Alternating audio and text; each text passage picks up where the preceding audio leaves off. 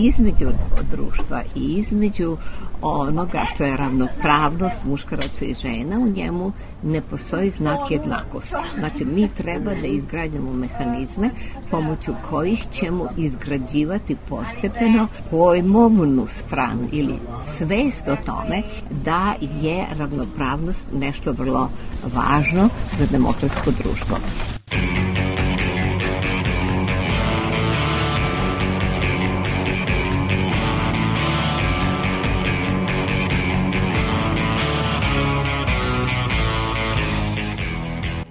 Zdravo, slušate podcast Reaguj nezavisnog društva novinara Vojvodine. Moje ime je Iva Gajić, a na ovoj emisiji radili su Nemanja Stevanović, Sanja Đorđević, Irina Čučković i Sanja Kosović. Nedavno se u javnosti pokrenula polemika o rodno senzitivnom govoru, pa su i mediji objavljivali listu najtežih reči za izgovoriti u ženskom rodu. Oni koji se protive ovakav jezik nazivaju rogobatnim i krajnje neprirodnim. U 55. epizodi podcasta Reaguj govorimo o značaju, ali i značenju rodno senzitivnog jezika. Čini mi se da je čitava priča o rodno-senzitivnom jeziku važna ne isključivo zbog načina na koji žene profesionalke percipiraju sebe, nego upravo na nekom drugom nivou na kom jezik definiše i način na koji mislimo o stvarima. Ako na neki način govorimo na taj način i mislimo, ako na neki način mislimo na taj način i delujemo. Negde mi se čini da je ta priča sa rodno-senzitivnim imenicama u odnosu na profesije, ženski oblici profesija, prilično važna da se prevaziđe onaj moment neke čvrste često utemeljene rodne uloge e, žene u našem društvu gde je jako prirodno i očekivano da se koristi rodno senzitivna imenica za čistačicu, kafe kuvaricu i ne, ne znam šta je, servirku, ali nam strašno para uši arhitektica. Čuli smo Janu Danilović, muralistkinju koja je u okviru globalne kampanje angažovana da u Beogradu naslika mural posvećen rodno-senzitivnom govoru. Na zidu osnovne škole Drinka Pavlović u Beogradu mural sa ženskim likom i napisanim feminativima ženskim oblicima profesije i titula, svečano je otkriven simbolično na Dan žena 8. marta ove godine. Za podcast Reaguj, Jana Danilović navodi da joj je bilo drago da učestvuje u ovom projektu. Kako sama kaže, u konzervativnom društvu ona je navikla da joj se obraćaju kao muralisti i slikaru, iako je žena, međutim za sebe ističe da je muralistkinja. Međutim, kad i neko kaže da je muralistkinja, to ima drugačiju dimenziju. Lingviskinja i profesorka emerita Univerziteta u Novom Sadu Svenka Savić kaže da je trebalo dosta vremena da se u Srbiji donese ovakav zakon o rodnoj ravnopravnosti i smatra da je on u svojoj osnovi dobro napisan. Međutim, Savić kaže da njegova primena neće biti dosledna. Ona objašnjava i u čemu se ogleda značaj donošenja jednog ovakvog zakona po čitavo društvo. Kako kaže, zakon služi tome da se promeni postojeća situacija. Šta je postojeća situacija?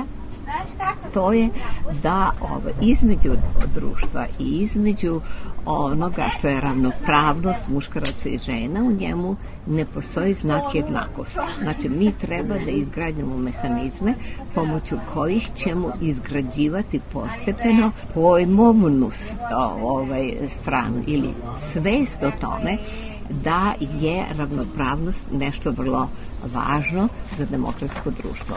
Irina je već spomenula potencijalno nedosledno sproveđenje zakona o rodnoj ravnopravnosti, ali ko će ovaj zakon i segment o rodno senzitivnom jeziku morati da primenjuje? Predviđa se obaveza i to samo u dva društvena segmenta, to su društveni segment obrazovanja i medija. Oni su obavezni da primenjuju rodno senzitivni jezik i to ne od momenta stupanja zakona na pravnu snagu nego za tri godine od tog momenta, dakle ima dovoljno vremena i da se neke stvari koje nisu još prihvaćene, da se prihvati. Znamo svi da je jezik navika, ali jezik je i odvika, Dakle, neke stvari koje smo navikli sada mogu i da se, odnosno morat će da se promene. Čuli smo Zoricu Mršević, naučnu savjetnicu Instituta društvenih nauka, koja je učestvovala u izradi teksta zakona o rodnoj ravnopravnosti koji su poslanici Skupštine Srbije usvojili 21. maja.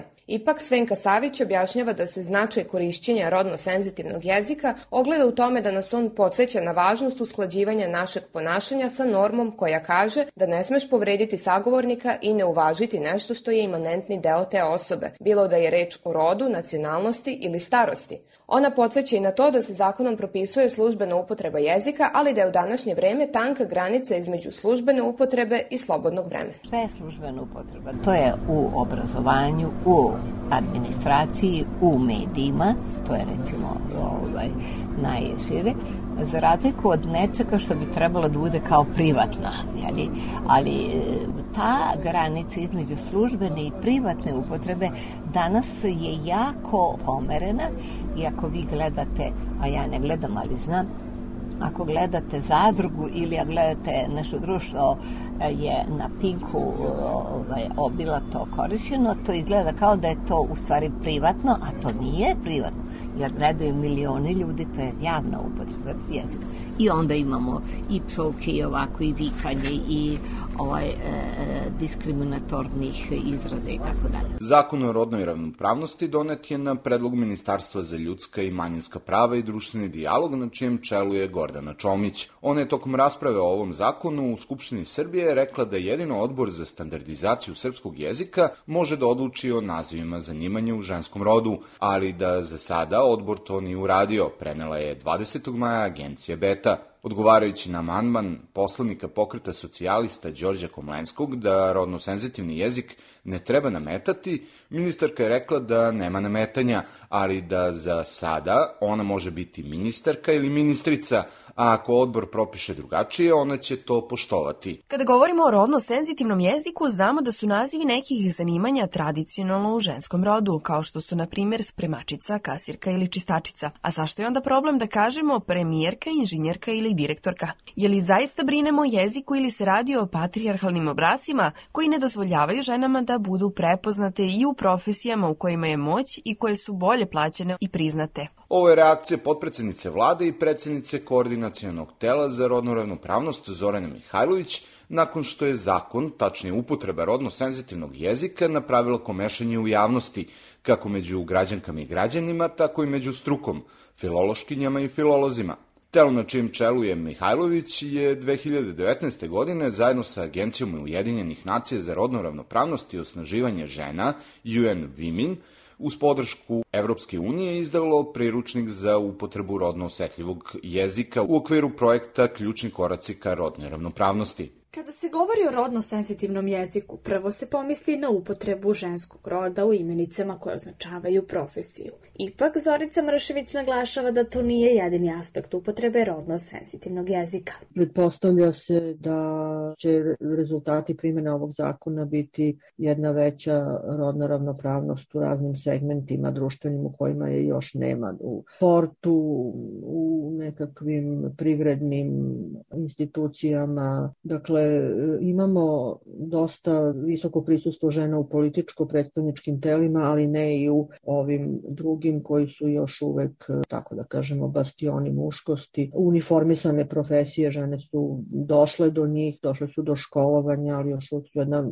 malena manjina u njima i daleko, toga da, daleko su od pozicija odlučivanja. Pored upotrebe genitiva kod ženskih prezimena, ovaj zakon podrazumeva i prestanak upotrebe reči gospođica. Onda način obraćanja, službenog obraćanja ne sme da sadrži obraćanje sa gospođica zato što je to diskriminatorno jer označava razliku obraćanja prema ženama i prema muškarcima. Dakle, kod žena nas takvim načinom obraćanja stavljamo do znanja je li ona udata ili nije, što je službenom pogledu potpuno nevažno. Osim matičara, niko drugi ne sme da vas pita da li ste udati ili niste udati. Matičar zato što da bi sprečio bigamiju, prosto ako treba da vas venča, on mora da zna da li ste prethodno bili venčani. Dakle, e, svi drugi to ne treba da koriste, odnosno prosto iz službene upotrebe se izbacuje gospođice. Sve žene u službenoj komunikaciji su gospođe, koliko god bile mlade kao vi ili delovale da nisu udate ili nevažno potpuno jednostavno bračni status je irelevantan u službenoj upotrebi. U privatnoj komunikaciji mi možemo da smišljamo razne načine tepanja i maženja i slično, ali službeno kada se obraćamo pismeno ili usmeno to mora da bude sa gospođom. Često se u službenoj komunikaciji može vidjeti da se pismo počinje sa dragi svi, poštovani i slično. Ipak, Mršević naglašava da se ovim zakonom i to menja. Ono što je takođe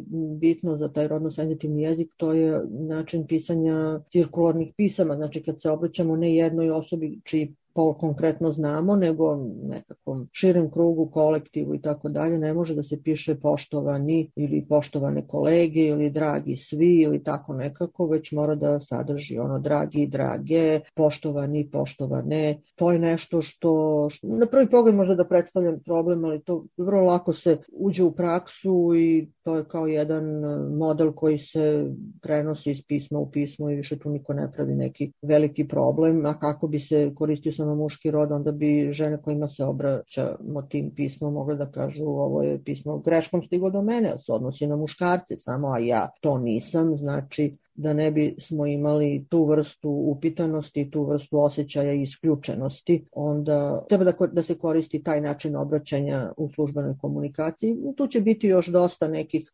sitnih detalja, ali je važno da eto, bit će doneti ti implementacioni mehanizmi, radi se na njima, tako da zakon bude ojačan sa svih strana, da on ima kao uh, oslonac da to sad ne bi bilo i dobro, hoćemo mi rodno senzitivni jezik, to konkretno znači označavanje ženskih profesija, ženskih pozicija i tako dalje, ali šta još i kako to i da li kroz ceo tekst i da li nas spasava na početku teksta ona gumena izjava, svi termini u ovom tekstu, ma u kom da su gramatičkom rodu upotrebljeni, odnose se podjednako i bez diskriminacije na žene i muškarca, na primer. Sagovornica podcasta Reaguj Svenka Savić podsjeća da se rodno osetljiv jezik ne odnosi samo na reči, već i na neverbalnu komunikaciju, kojom se takođe može izraziti diskriminacija. To su razni oblici ove pokazivanja rukom ili, ili telom koji pokazuju da prema ženi nemaš dovoljno dobar respekt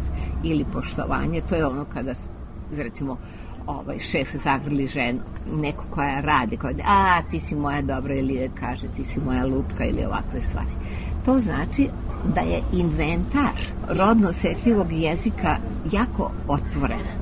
Facebook grupi podcasta Reaguj pitali smo naše slušalce kako nazivaju žene koje rade u određenim profesijama. Rezultati su takvi da su direktorka ili direktorica, kao i novinarka, veoma zastupljeni nazivi, te je samo nekolicina glasala za opcije direktor i novinar.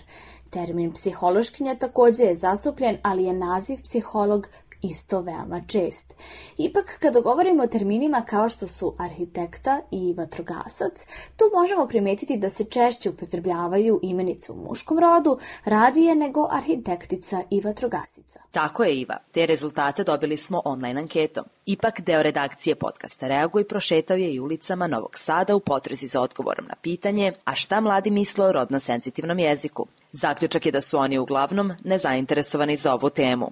Pa bavim se prodajom, tako da ovaj, stvarno mi nije važno da li će me zvati prodavcem ili prodavačicom, kao ni jel, što se tiče profesora ili profesorkom nije mi važno. Pa ne podržavam, ne podržavam razlike između muško-ženskih, kako se zove, polova. To, na primer, da, da se uslovlja doktorica, a ne doktor, meni je to sve isto. Mislim da se uslovlja normalno sa doktorom i to je to. Pa iskreno nemam neko posebno mišljenje. Mislim da je dosta stvari već implementirano što se tiče, na primjer, profesor, profesorka i tako te stvari, a za druge nisam puno razmišljao o tome. Članica odbora za standardizaciju srpskog jezika Sofija Miloradović zbog privatnih problema nije mogla da govori u ovoj epizodi. Međutim, ona je za reaguj putem maila naglasila da postoji tekst iz 2011. godine iza koga ona i dalje stoji čije ćemo delove u narednim minutima da prenesemo. Sofija Miloradović je još pre 10 godina svojim tekstom istakla potrebu za preciznijom preporukom i stavovima, kako bi se, kako je navedeno u uvodnoj napomeni, izbegla banalizacija jezičke teorije. Da se zbog prisustva ili odsustva neke gramatičke kategorije može zaključiti o prisustvu ili odsustvu ravnopravnosti ili diskriminacije u jeziku. Tekst je objavljen na sajtu Srpske akademije nauke i umetnosti i Odbora za standardizaciju srpskog jezika. Samo obrazloženje podeljeno je na pet delova, a prvi se odnosi upravo na banalizaciju lingvističke teorije. U drugom delu obrazloženja Sofija Miloradović objašnjava da jezik rodne ravnopravnosti podrazumeva da jezici koji ne poznaju gramatičku kategoriju roda nisu ili ne mogu biti jezici rodne ravnopravnosti. Time se implicitno diskriminišu govornici onih jezika koji ne posjeduju odgovarajuće gramatičke kategorije. Poput engleskog jezika. A upravo je na anglosaksonskom govornom području pitanje rodne ravnopravnosti u jeziku rešeno na sasvim drugačiji način, potpunom neutralizacijom obeležja roda u redkim slučajevima gde se ono javlja. Na primer, umesto chairman preporučuje se korišćenje chairperson, a umesto policeman, police officer. U trećem delu Miloradvić objašnjava da rodna neutralnost muškog roda u srpskom jeziku nije pretpostavka, već lingvistička činjenica. Kako ona objašnjava, gramatički i prirodni rod imenica u srpskom jeziku nisu identični. Gramatike srpskog jezika u zvaničnoj upotrebi kažu da imenice koje znače vrstu, zvanje ili zanimanje označavaju bića oba pola. Stoga tvrdnja da upotreba generičkog muškog roda ugrošava prava žena biva u neskladu sa važećim stavom lingvističke nauke. Ona ističe da bi ovakva tvrdnja podrazumevala da su gotovo svi zakonodavni akti Republike Srbije, počev od Ustava, rodno diskriminatorski, jer se u njima ne koriste dosledno oblici ženskog roda. I u samom zakonu o ravnopravnosti polova koristi se generički muški rod, svedok poslodavac. Pritom, zakon o ravnopravnosti polova sasvim u skladu sa važićom gramatikom srpskog jezika izričito kaže termini kojima su u ovom zakonu označeni položaj i profesije, odnosno zanimanja, izraženi su u gramatičkom muškom rodu, podrazumevaju prirodni muški i ženski rod, lice na koje se odnose. Četvrti deo teksta govori o tome da gramatička kategorija ženskog roda nije jedino sredstvo za obezbeđivanje vidljivosti žena u srpskom ili bilo kom jeziku, te da ne može uticati na diskriminaciju ili ravnopravnost žena. Po njenim rečima, ravnopravnost ne zavisi od upotrebe pojedinih gramatičkih kategorija, već od konteksta u kom su one upotrebljene, odnosno od značenje celine teksta.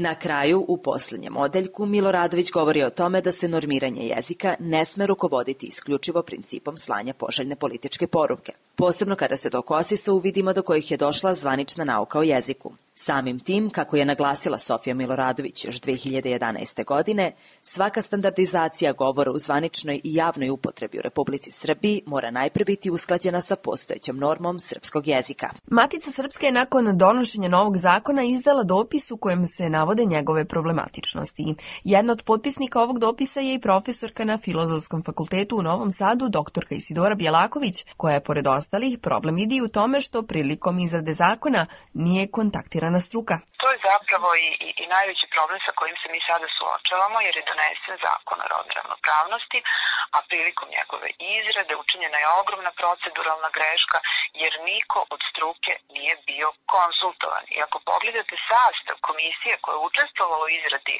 nacrta i konačno ovog zakona, vidite da tu zapravo nema ni jedne osobe koja se profesionalno bavi srpskim jezikom. Da ne govorimo o tome da niko dakle nije uputio zvaničan dopis ili molbu za učešće u kreiranju ovog zakona odboru za standardizaciju koje predstavlja zapravo zvanično telo za brigu i normiranje standardnog srpskog jezika. Problema vezanih za ovaj zakon je nekoliko. Prvi problem predstavlja to što nisu precizirane granice upotrebe rodno osetljivog jezika, kaže Bjelaković.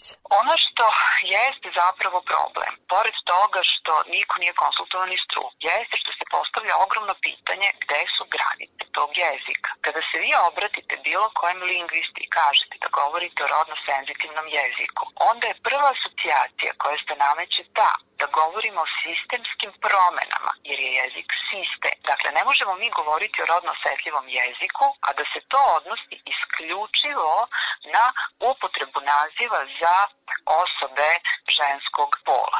Onda to nije jezik, onda je to upotreba odgovarajućih naziva u okviru standardnog srpskog jezika. Dakle, prvi problem je taj što ovim zakonom nisu precizirane granice jednog rodno osetljivog jezika kada govorimo o srpskom jeziku. Bjelaković podsjeća da srpski nije jedini službeni jezik u Srbiji. Na teritoriji jedinice lokalne samouprave gde tradicionalno žive pripadnici nacionalnih manjina, njihov jezik i pismo može biti u ravnopravnoj službenoj upotrebi ukoliko procenat pripadnika te nacionalne manjine u ukupnom broju stanovnika na njenoj teritoriji dostiže 15 navodi se u zakonu o službenoj upotrebi jezika. Zakonu se nigde ne govori o rodno osetljivom srpskom jeziku, a govori se o njegovoj službenoj upotrebi. Šta to znači? Dakle, srpski jezik nije jedini službeni jezik u ovoj državi. Da li to onda znači da rodno osetljive forme moraju da se upotrebljavaju drugim službenim jezicima u ovoj zemlji? Dakle, u slovačkom, u albanskom, u mađarskom i drugim službenim jezicima. Da li će se i ta struktura tih jezika menjati u našoj zemlji, a neće biti promenjeno u njihovim matičnim, matičnim zemljama? Dakle, tu ima zaista mnogo propusta, problema i pitanja na koja ovaj zakon ne daje precizne odgovore. Potencijalno rešenje ovog problema predstavlja ponovno donošenje zakona, ali ovaj put na regularan način, smatra Bjelaković. Moglo bi da se ispita ustavnost ovog zakona, da se vidi koliko je on donesen u, u skladu sa Ustavom, da se sastavi tužba pred Ustavnim sudom i da se pokrene postupak u kojem bi se preispitao stepen ustavnosti donesenog zakona i onda lepo sesti i sve iz početka uraditi onako kako je to trebalo raditi od samog starta. Otpor je još juna iskazala i crkva, kada je episkop Irinej Bulović u svom autorskom tekstu za novosti napisao da lansiranje ovog kvazi problema i analognog zakona predstavlja dangubu, luksuz i pucanju prazno, pa čak i greh. Ipak Mršević naglašava da otpora uvek ima, ali da ovaj zakon ne predstavlja veliku novinu. Ima dosta otpora, ali je stvar u tome da mi ništa novo nismo izmislili tim zakonom. To se već u veliko sprovodi. Dakle, život je jasan. Nećete vi čuti ni jedno dete koje je došlo iz škole da profesora matematike koja je žena, kažu matematičar je pitao. Reći će matematičarka je ispitivala. I mislim da je tu zaista ta prevalentnost patrijarhalnog sistema vrednosti kada oni postaju odrasli muškarci i žene i onda se svrstavaju u one vrednije, znači muškarci i one koji bi želeli da budu takođe vredni kroz svoju profesiju, a to su žene. Sa druge strane, Svenka Savić objašnjava u čemu leži teškoće prihvatanja novih jezičkih konstrukcija u srpskom jeziku. Kod nas postoji uverenje da nad jezikom treba imati komandu, treba imati ovaj nadzor, treba propisati i samo tako da se on govori. Ne, ne. Mi kažemo treba kreirati za datu situaciju taj dotični neki ishod.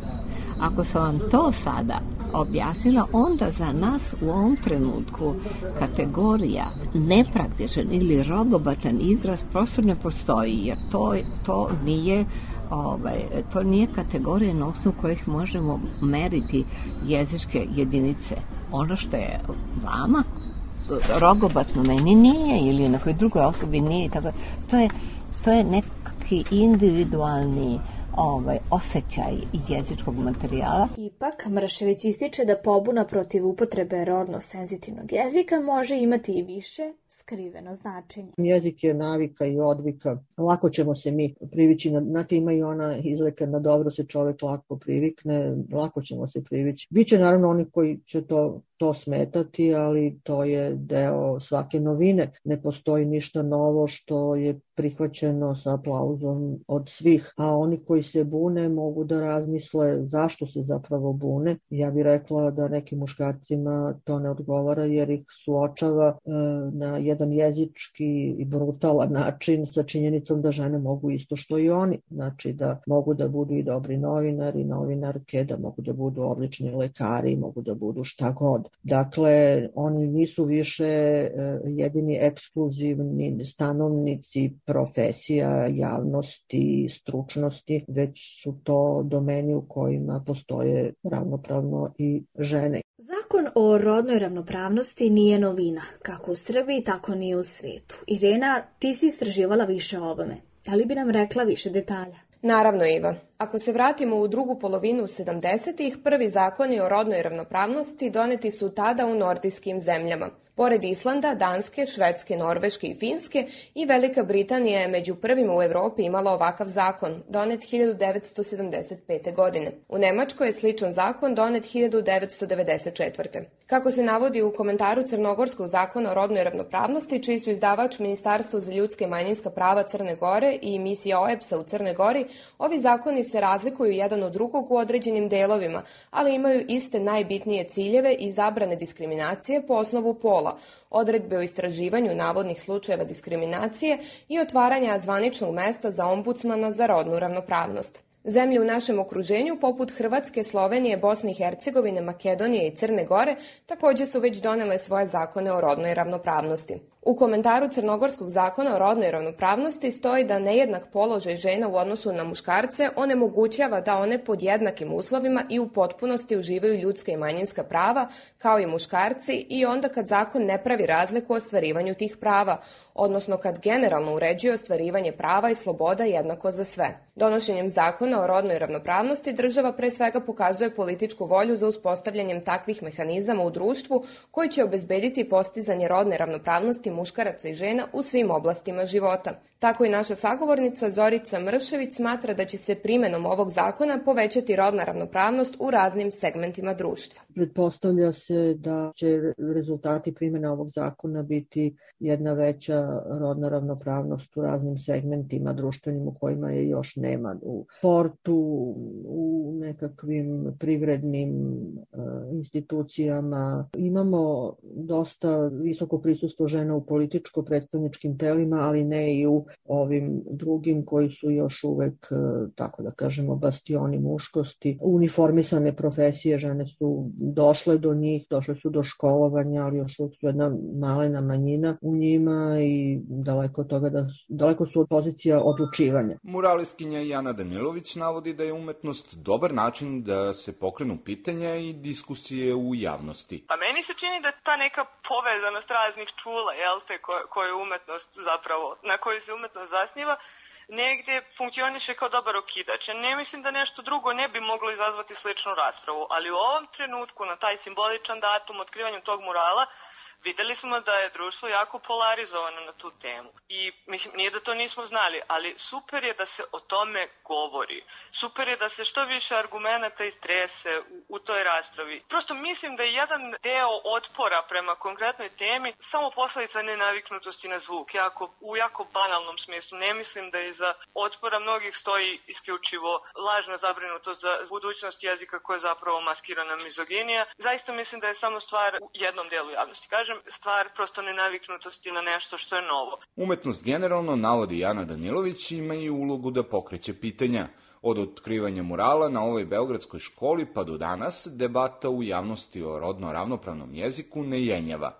Međutim, ističe da je neko delo koje je dostupno najširoj mogućoj publici to koje može da pokrene raspravu. Naravno, Jana ističe da ne može da menja, ali može da započne promene. Mislim da su umetničke intervencije u javnom prostoru jako dobar način da se neke teme koje jedan deo društva doživljava kao tabu, drugi deo društva ne doživljava ni na koji način, a treći deo društva smatra relevantnim i nedovoljno zastupljenim, iznese pred onako potpuno neselekto, neselektovanu publiku, odnosno pred sve građane i građanke, odnosno sve prolaznike i prolaznice ovog grada. Meni se čini da to jako dobar način da, da se kroz kako kažem, nešto što je deo grada, što mural faktički postaje, jel te?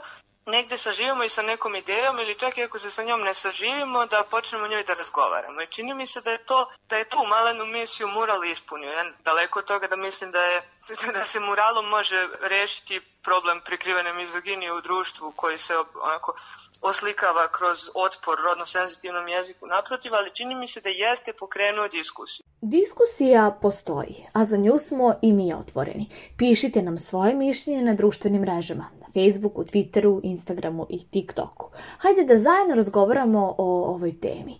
Ovim pozivom i završavamo 55. epizodu podcast serijala Reaguj nezavisnog društva novinara Vojvodine u kojoj smo govorili o rodno senzitivnom jeziku, njegovom značaju i upotrebi. Slušamo se ponovo uskoro, a do tada ne zaboravite da čekamo na vas, vaše komentare i predloge tema. Sva pitanja i predloge možete nam poslati na adresu podcast.ndnv.org. Naš rad možete pratiti na kanalima na iTunesu, Stitcheru, Castboxu, Sounderu, Spotifyu, Google podcastima, kao i na sajtu podcast.rs. Ukoliko želite da nas podržite, uradite to baš šerovanjem, komentarom, deljenjem svoje priče ili preko sajta donations.ndnv.org.